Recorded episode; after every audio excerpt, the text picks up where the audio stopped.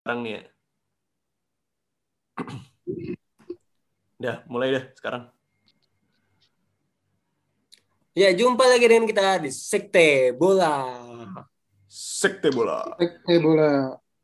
Sekte bola, Bos. Oke, kali ini ada gue Cakra Gumilar. Ada gua Ada bocah. Gua Siapa? bule. Lengkap nih ya. Oke, pokoknya kali ini lengkap ya, guys. Tapi ada yang beda nih. Apa yang beda nih? Iya, ada yang beda nih. Kita Apa tuh yang di- beda? Kita lagi di Zoom. Iya, Kita nggak lagi langsung di- tapi nge-zoom. Iya, karena ada salah Nah. satu dari kita ya. Lagi sakit. GWS, Pak. Bos.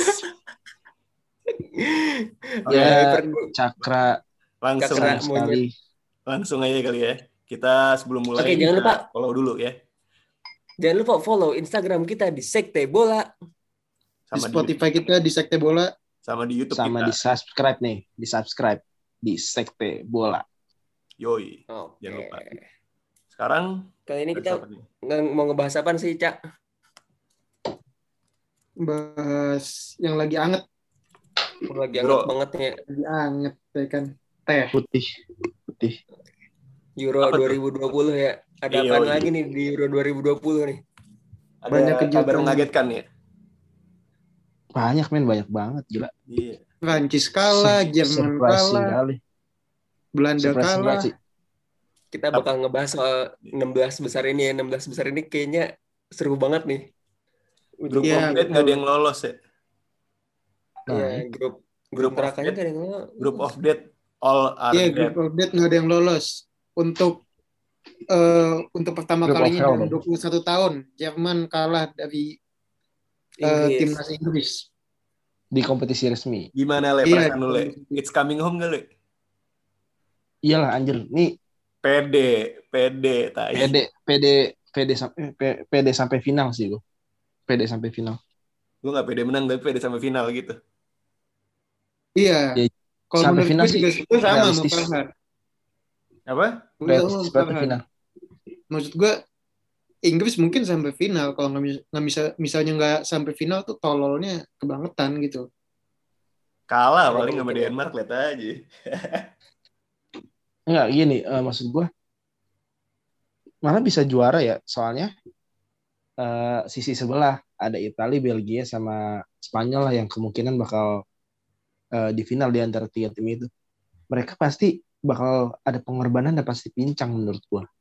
Ya ini karena skenario nya ini sama kayak di UCL tahun ini. Jadi eh, City, PSG, Munchen sama satu lagi gue lupa tuh siapa. Sumpah gue lupa.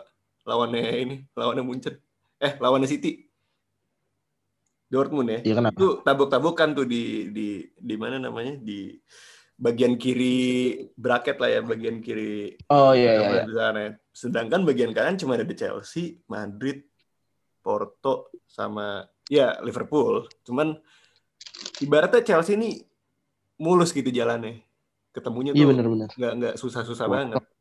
benar-benar. Nah, jadi sama nih kayak Euro ini. Inggris juga ketemunya kemungkinan ket- udah lolos Ukraina, ketemunya kalau nggak Denmark si ini si siapa namanya Ceko. Denmark sama Ceko, iya Denmark sama Ceko kan bisa dibilang kuda hitam ya. Iya betul. Tapi dulu, Hitam Tapi- yang punya modal. tapi gue gue potong dulu. Lu Apa? jangan lupa. Ini tiga tim ini Denmark, Ceko ataupun Ukraina ini mainnya bertahan pasti kalau misalnya ketemu Inggris. Iya Inggris sih. apa enggak?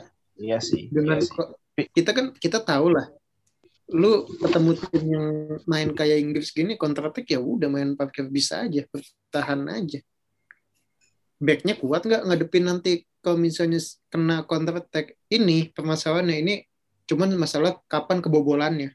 Nah, itu bakal apa ya mungkin bisa Ya, jadi ya. titik balik menjatuhin mental malah. Sejauh ini itu belum kebobolan emang dan mungkin bukan karena menurut gue bukan karena back backnya kuat ya walaupun Maguire bagus sama Pickford lumayan. Cuman eh, belum ada nemu iya bener tadi titik ininya tuh belum kena gitu kayak Iya. iya kalau kemarin gue bilang lawan Jerman ya sebenarnya Jerman nggak bego di situ cuman emang Inggris tuh bisa manfaatin titik lemahnya Jerman Kemarin itu menang 2-0, dua-duanya datang dari kiri. Yang kiri Nah, bagian kanan Betul, Jerman itu dibawa dijaga sama si Kimmich. Kimmich kan bukan bukan res ini ya, bukan bukan murni wingback ya, walaupun dulunya back kanan. Cuman dua gol itu tak di jebolin dari dibawa dari sisi kiri dari Grealish sama si Shaw. Itu Iya, manfaatin pertama Xiao sih. Xiao Iya, main pertama bagus. Xiao, manfaatin Xiao main bagus. Heeh, manfaatin titik lemahnya Jerman. Bukan gimmick lemah sebenarnya, cuman diposisikannya sama si Low tuh salah gitu menurut gua. Dari formasi juga Iya, iya. Kimmich di tengah. Iya, makanya kan maksud gua eh apa ya? eh ini juga sih. Southgate pas lagi lawan Jerman dia pakai strategi barunya kan maksud gua 3-4-3 loh. Tiga empat tiga ya. Eh 3-4-3 jadi maksud gua bener-bener show-nya dipersiapin buat attack banget. Itu Yang kan bilang tadi. strategi 3-4-3 itu kan strategi bertahan ya kalau misalnya bisa kita bilang ya. Ini kalau kata gua Heeh. kalau misalnya dipakai lagi pas lawan Ukraina. eh, Denmark Ukraina. atau Eko atau Ukraina Ya, belum tentu bisa. Ukraina sih sebenarnya kan. belum tentu tembus. Iya, iya, justru itu. Ini yang gua ngeri karena sebelah kanan Inggris rada pincang karena nggak didatengin. Yang lu bilang kan eh, Ukraina bakal main bertahan dan bisa jadi serangan balik karena nggak ada AWB yang menurut gue tekniknya mantep banget. Jadi gua rada ragu. Hmm. Iya, jadi kemungkinan yang- apa anjing yang apa namanya? yang Eh, bikin pincang di titik lemahnya Inggris ini di, di kanan, di sisi kanan. dengan nggak adanya AWB ya. Iya, Secara tackling kan dia dia berapa kali mutusin serangan balik lawan anjing dengan kakinya dia. Iya. Iya. Oke, Dan bahkan ya kalau kenapa lanjut ini- lanjut? seharusnya defensif defensif Inggris bisa hampir full MU semua. AWB kalau seandainya dia Henderson jadi kiper ya. Oh, unik juga. Emang ngaruh ya kalau AWB ada terus Henderson jadi kiper juga. Enggak juga. Ntar dulu. Ya, ngaruh, Enggak, bukan ngaruhnya gitu. di sini sih kagak, tapi maksud gue kayak anjing, Maksud gue kita gitu. kita nggak usah ngomongin yang nggak ada di di kompetisi gitu loh. Henderson Paham nggak cedera, eh Henderson cedera, ya kan? Ini tadi di bawah cuy. Iya, tapi telat. Maksud gue dia pas di bawah udah cedera duluan. Akhirnya si Pickford tanggung jawab. Ya lah, langsung langsung ke pertandingan selanjutnya dan di Belgia lawan Italia. Belgia Itali. Lu megang siapa Han? Ya Italia jelas. Iya, maksud gue eh, pede nggak lu sebagai fans Itali? Gini, kita bahas sebelum bahas Belgia lawan Italia, gue mau nyicir dulu ke Portugal. Hmm. Menurut Nah, menurut kalian Portugal. Portugal nih kocak nggak tiba-tiba? Portugal nih Hmm, kayak Eh, nggak nggak kocak. Karena emang gimana, begitu. gimana? Emang begitu ya bener. Maksud gue Eh, ini, juara aja. Portugal tuh kan main bertahan ya. Portugal tuh main bertahan. Iya, si Santos, Abis itu- Santos itu main bertahan ya, pelatih bertahan emang defense. Fernando Santos itu ya kan. Iya. Dia ini strateginya kan oper ke Ronaldo, oper Joe Felix. Udah. Joe gitu Felix doang. pun nggak main anjing. Oper ke Jota lagi. jadi. Hah? Oper ke Jota jadi. Iya, Felix betul. pun nggak pernah main sampai kemarin Jota. Belgia. Ya intinya oper ke depan lah. Iya. Ke Ronaldo terutama ya. Hmm. Ini kan 11-12 sama Argentina. Cuman Argentina mungkin mainnya lebih ofensif dari banding Oh iya Portugal. jelas, Iya, iya. jelas. Secara pelatih ya. Gimana ya? Jadi kayaknya pelatih Portugal tuh kurang manfaatin Eh. pemainnya sendiri. Dan musim Pemain penyerang gue bagus. dua, iya Ya tahun lu tahun ini nyerang gitu. 2020 lebih bagus skuadnya dibanding 2016 yang lalu yang mereka menang ya. Iya. Iya, juga betul. Jelas. Secara squad ya bagus yang sekarang ya. Tapi mungkin menurut gua gara-gara PP-nya dulu lebih bagus. Sekarang kan PP tua. Terus tandemannya Dias, Dias, wah Ya, Dias juga kan kocak banget. masih ada Ruben Dias. Iya Ya. Ruben Dias kocak Ada banget. Ruben Dias. Di Ya, situ kayaknya bagus tapi lagi- gitu dah. Sama tuh kayak kayak temennya, temen Manchester ya. Bruno juga kocak. Bruno juga Iya, nggak makanya. kelihatan sama sekali loh. Nggak Iya. kelihatan sama sekali. Curan-curan banget. Kali nggak kelihatan. Sedih deh, sedih. Kayaknya emang. Emang skemanya skemanya nggak cocok ya udah Iya. emang terlalu Ronaldo banget. Sedih. Di- Bener. Jadi Bruno tuh menurut gua cocoknya tuh kalau misalnya dibangun timnya itu dibangun sekeliling dia gitu. Kalau misalnya menurut gua di MU itu timnya itu dibangun eh, sentralnya itu di Bruno. Jadi Bruno tuh kreatifnya itu jalan. Kalau sedangkan kalau yang Portugal ini fokusnya di Ronaldo. Jadi ya gitu Iya, deh. betul, Dia betul. apek. Dan Mungkin kalau kata gue masalah ini sih masalah apa namanya pengarahannya pengarahan kayak maksud gue eh, role role dari setiap playernya gitu Hmm. oh ya. Ya karena mungkin jadi emang emang perintahnya beda perintahnya beda gitu. Iya. Beda-beda. Iya yang kata lu tadi bilang gitu. yang lu bilang eh eh, Bruno jadi sentralnya kan terus CR sekarang tandemannya di CR nah C- CR tuh bukan jadi sentralnya tapi jadi penyelesainya gitu dia main amburadul oper ke CR eh, CR, CR nyelesa- nyelesain gitu loh beda kalau Masalahnya seandainya nggak ada yang bisa tembus, Pak. Iya. nah Nggak itu nggak ada yang bisa tembus ke Ronaldo. iya Itu. makanya itu Joao Felix mengecewakan sih padahal dia waktu pas sebelum di Atletico dia di mana Benfica ya gue lupa deh Beda, beda sama Belgia. Kenapa gue bilang bilang beda sama Belgia? Belgia itu eh, murni kerjanya tuh eh, satu orang yaitu Kevin De Bruyne Nah, itu playmakernya itu udah yang bisa nyalurin ke mana-mana tuh dia. Iya. Bener. dan pelatihnya juga dan skemanya cocok sama pelatihnya sih Iya, kalau misalnya nggak ada KDB itu selesai. Mm-mm. Lukaku dan juga ya. KDB nggak bisa main Oh. lawan Italia loh Kenapa? KDB nggak bisa main lawan Italia Kenapa emang ya? Kartu apa ya. cedera? cedera ya cedera lagi cedera sih setahu gue Pede ngacak, pede. Pede Pede. Gue sih lebih pede Itali sih memang. Eh, secara track, track record Italia Kenapa tadi gua gua bahas lawan Belgia menang Tapi- sih terakhir Tapi Gua- eh, ini apa namanya? Kita juga mm, jangan lupa Italia belum pernah lawan tim gede loh. Iya, benar. ya Jadi belum kebukti juga. mentalnya juga Kenapa tadi gua bahas Portugal lawan Belgia? Ibaratnya gini, Portugal tuh main defensif ya kan. Nah, Belgia ini bisa dibilang cuma menang enggak? Gue bisa bilang cuma karena seharusnya bisa lebih gitu. Belgia ini cuma menang 1-0 gitu lawan tim kocak gitu bagi gue. Sekarang Betul, itu betul, betul. perform. Sedangkan lawan Itali, walaupun Itali nggak main defensif, cuman defensifnya lebih bagus dibanding Portugal. Apa bisa tembus? Tapi tapi sebetulnya Pak ya, kalau misalnya final nih, final mungkin oke lah Inggris kita anggap masuk final lah, udah auto lah gitu. Iya.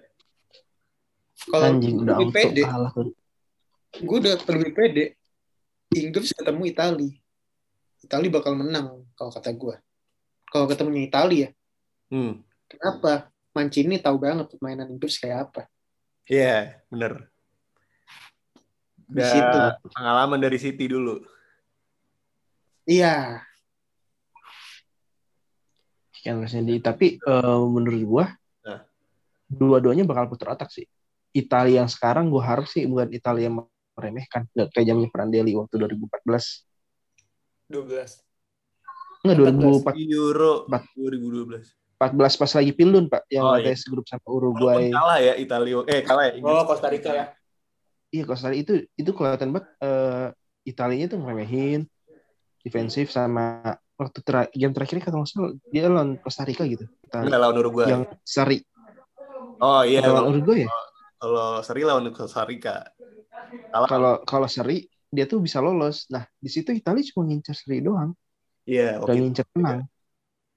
Konyol kan menurut gua. Dan kalau seandainya gua harus sih ngeremin. Dan pasti eh, Belgia karena nggak mainnya De Bruyne, De Bruyne dalam pelatihan ini mungkin Martinez pelatihnya. Martinez ngejos banget Hazard kayak eh anjing lu harus balance lu Hazard harus juga nggak lu main harus ini." cok Torgan Hazard yang juga main. main Torgan yang main. Hazard juga main Astaga, Torgan, Lukaku, Mertens.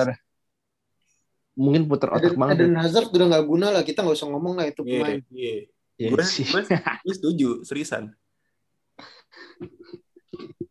iya sih iya sih tapi maksud gua Martinez pasti bakal put- puter otak Terus eh, selanjutnya nih ya, dari sisi yang yang bawah bawah kiri itu ada Perancis lawan Swiss. Wah, itu kocak. Gimana Mbappe nih? Mbappe gimana nih tahun 2018 dia jadi bintang. 2000 dia sekarang ngedewakan ya kocak banget. Dia nggak nggolin, event penalti pun nggak nggolin. Nggak golin, nggak golin sama sekali. Dan di match lawan Swiss nggak nggak ada on target, nggak ada shot on target.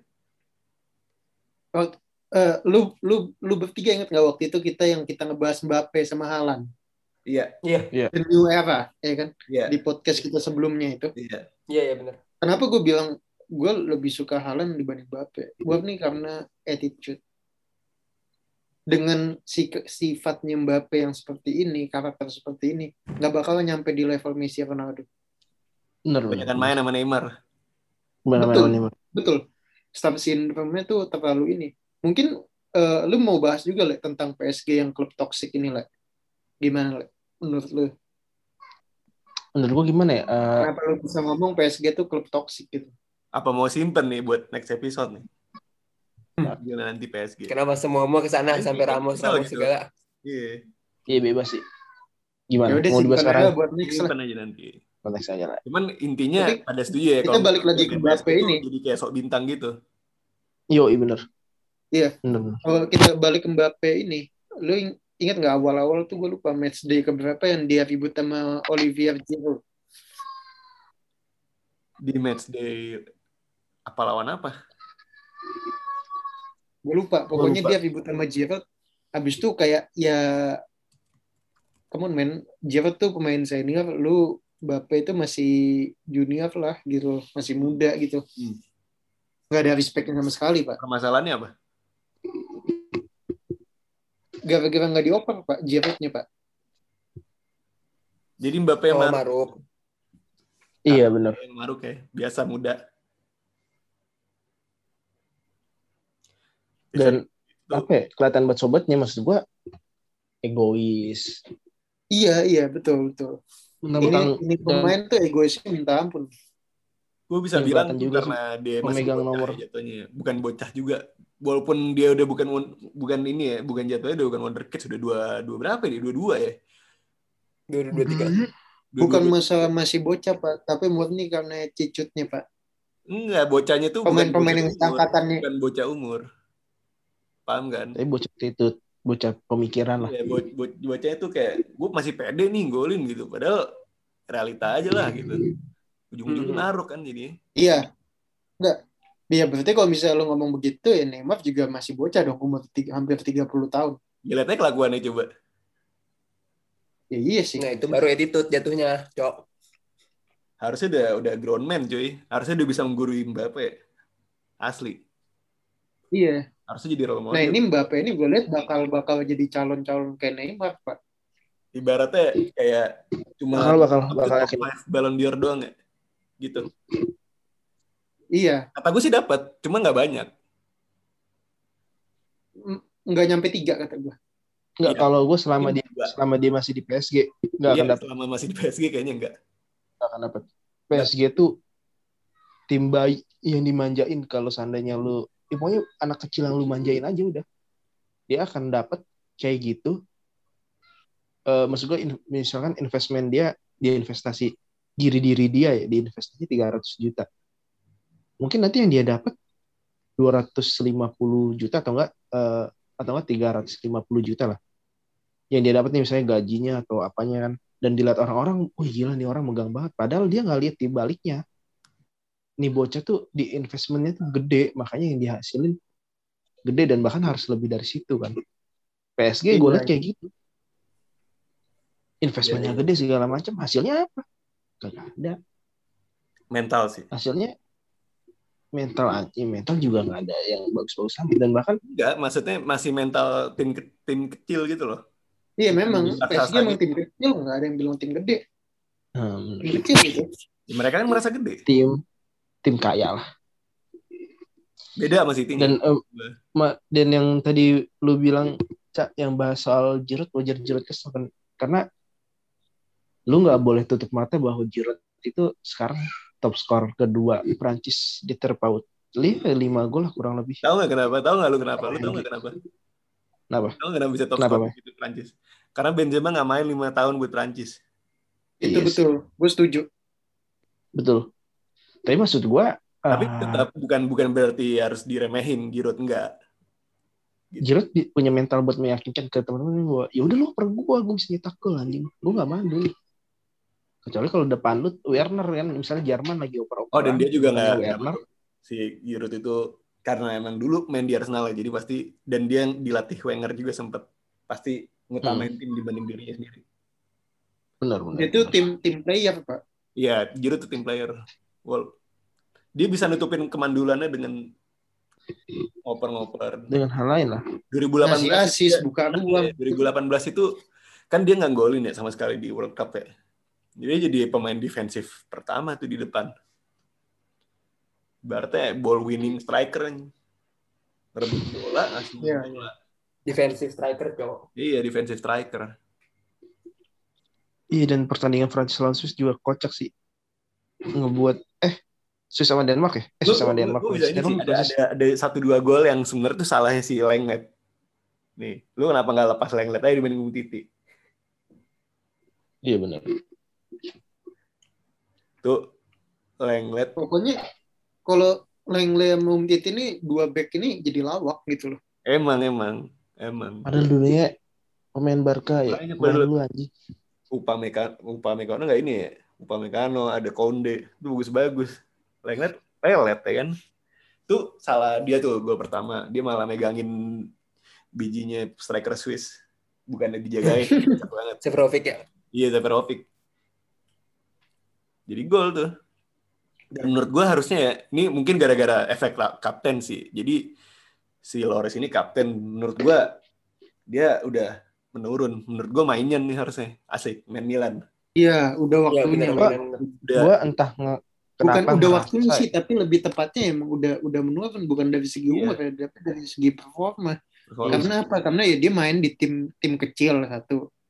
Nggak berkembang juga di di ya harusnya menurut gue makan di Spurs pun udah di, di Epak, pak.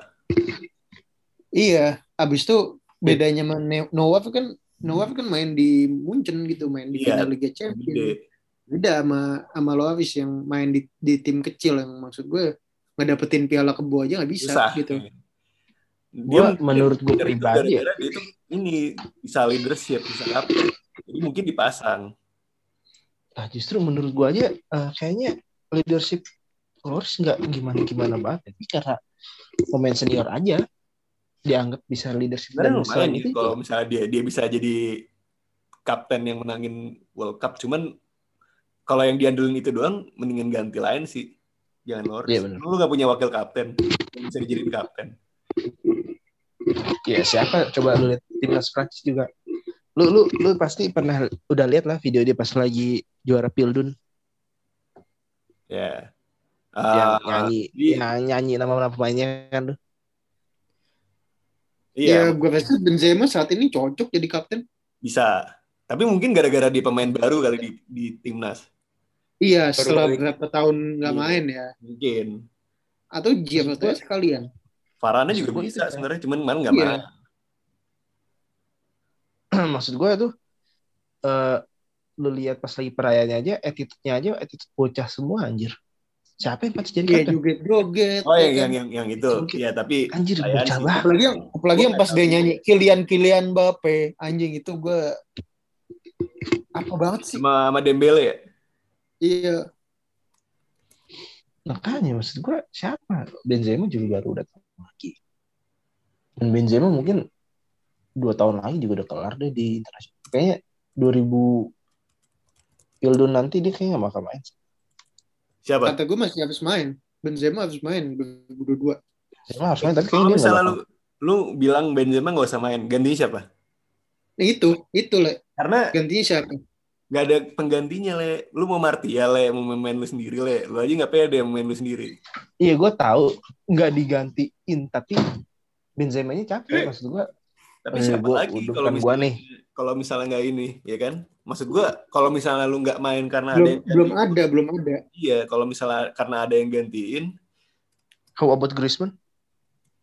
Griezmann bisa sih cuma gua Griezmann itu bukan striker murni. murni bukan striker murni Iya sih. Itu posisinya tuh di belakang striker. kecuali ya kecuali kecuali si Prancis ini bisa masang false nine bisa masang yang tipe-tipe CF gitu Iya, Iya, betul. nanti belakangnya ini Pildun nanti siapa tahu eh, apa si Prancis ini punya pemain lagi kan siapa tahu. kalau striker gue belum lihat sih Striker enggak. paling Nomor 9 tuh enggak, belum. Bape aja bukan Iya. bukan striker yang jatuhnya Dan Siapa tahu Iya, dua tahun he's a kemudian sih. eh enggak gini siapa tahu dua tahun kemudian Martial yang jadi bagus dari Prancis itu back biasanya, back tengah, ya kan. Back tengahnya Kenapa lu mau ngomongin Martial kenapa, Le? Siapa tahu dua tahun kemudian Martial jadi megang kan nggak tahu lah sekarang aja kalah sama. Cavani sama Edi. yang gue bilang dua tahun kan? kemudian Edi Cavani. Nggak, ya dua tahun lagi tuh udah bukan bukan Piodun, Le. Dua tahun Piodun kan tahun depan tahun gimana depan, sih lu? Le. enggak diundur ya oh ya Kagak udah. Desember tapi Desember tapi. Jadi Nah, fast aja fast langsung. Belgia Itali menang siapa ya? Itali. Itali ya. kan nggak main kan Itali. final tim Spanyol- gue Spanyol gue Swiss. nggak tahu Oke, Spanyol, Spanyol, Spanyol dikit ya. Spanyol Spanyol. Spanyol main. di tapi Eh, udah kita kita Swiss punya kita mental ini aja maksud gua kita skip aja. Final nanti siapa? Eh. Gue Hmm, Itali Itali. Inggris sih. Harus Iya. Itali, Itali Inggris sih mungkin.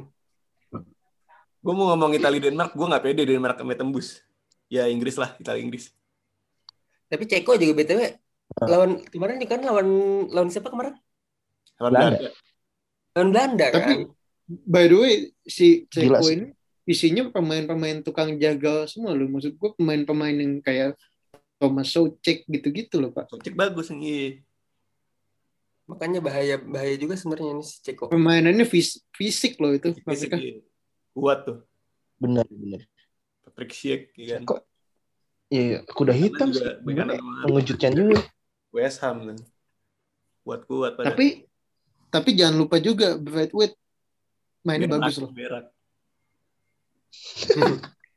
anjing Ngegolin loh dia. Bah, jadi dia tuh dia jadi winger kan, dia jadi pem- pembantunya ini. Tapi justru karena dia peran pembantu malah bagus gitu dibanding dia yang jadi Iya, striker iya. Karena di Barca tuh taruh jadi striker murni. Kocak kan. Dia tuh jadi- jadi pembantu tuh bagus. Karena apa? Karena dia bekerja keras, coy. Nah, dia nutupin gitu tuh. Lu Kalau lu disuruh nendang ya nggak bisa. pemain pinter lu harus jadi Tapi lu kalau harus bisa ditutup, nutupin ya bisa. lu gitu. Hmm, logis Kayak kayak Morata sama Werner Hmm. nih, mandul ya kan. Dia harus dia harus nggak maruk, nggak boleh maruk. Kalau misalnya maruk pecat aja. Iya. ini Spanyol ngarepin apa nih Spanyol masih bagus. Pedri juga bagus Pedrinya. Pedri, Ferran Torres, Ferran Torres bagus tuh. Cuman emang strikernya aja kurang. Masih bagus. Bang. Iya, masih bagus. Kipernya aja nggak. nggak- Iya. Gue gue nggak ngerti lagi kenapa DG yang nggak dimainin ya. Gue nggak paham gue di situ. Nah, rasain lu. udah Le. bilang Luis Enrique tuh emang gedek sama main-main kayak gitu gitu Tapi lu gue percaya Madrid sih Luis Enrique sebagai dia pemenang treble dulunya ya kan. percaya tapi Nggak jadi jaminan juga. Salah satu pelatih yang gue ini takutin dulu. Nggak jadi jaminan juga, Pak. Itu ya, tapi nggak jadi jaminan sih. Soalnya di situ kan MSN-nya lagi pas banget MSN. Iya. Iya, tapi kan bedanya Bersa- kan dia Enrique masih punya strategi. Beda sama Zidane. Iya sih, benar. Zidane tuh lebih man manajemen dia, Betul. bukan taktik. Lebih ke mental ya. Iya. Ngelatih mental. Tadi nih final ya, final pada Italia Inggris bener gitu. Iya pada Italia Inggris ya. Gue juga milihnya gitu sih. Itali, Italia Inggris, Belgia Itali pas yang menang. penalti. Nah, Tapi gua, menangnya juga feeling gue kalau Italia Inggris bakal boring. Iya, kayak final Liga Champion aja tuh kemarin. Bosen, bosen. Akhir sih Italia lawan Inggris kosong-kosong adu penalti. Gue mendingan ini tapi mendingan nih mendingan Chelsea City dibanding Liverpool Tottenham tuh hancur banget parah. Iya sih. Jauh coba. Wah, itu gak jelas Iya. banget permainan anjing satu gol penalti, satu gol kok dari set piece ya kan. Enggak ini kalau Tapi misalnya menurut gue, Udah, udah, udah. Bas, bas Chelsea ini. Ya, Nggak, jadi menurut gue kira-kira- eh, Itali bakal pincang sih. I- Itali bakal pincang. Mungkin karena udah capek gebuk-gebukan kali ya. Ya udah capek gue bukan. Iya, Lu abis lawan. Belgia lu lawan Spanyol. Jadi segitu aja kali ya. Iya, Iya itu aja. Jadi ada tambahan? Tidak ada bos. Nggak ada sih gue. Udah itu aja ya. Pokoknya gue megang Jadi- Italia yang menang nih. Kita Iya. pada megang Itali. eh, itu- biasanya kalau diunggulin tuh kita biasa biasanya Italia kalah sih. Iya, nanti kita lihat tuh ya. kalau diunggulin kalah Pak lu- biasanya, Pak, nggak jelas. Kalau diunggulin Hmm. kalah biasanya. Iya, nggak diunggulin biasanya malah bagus Nah, gitu.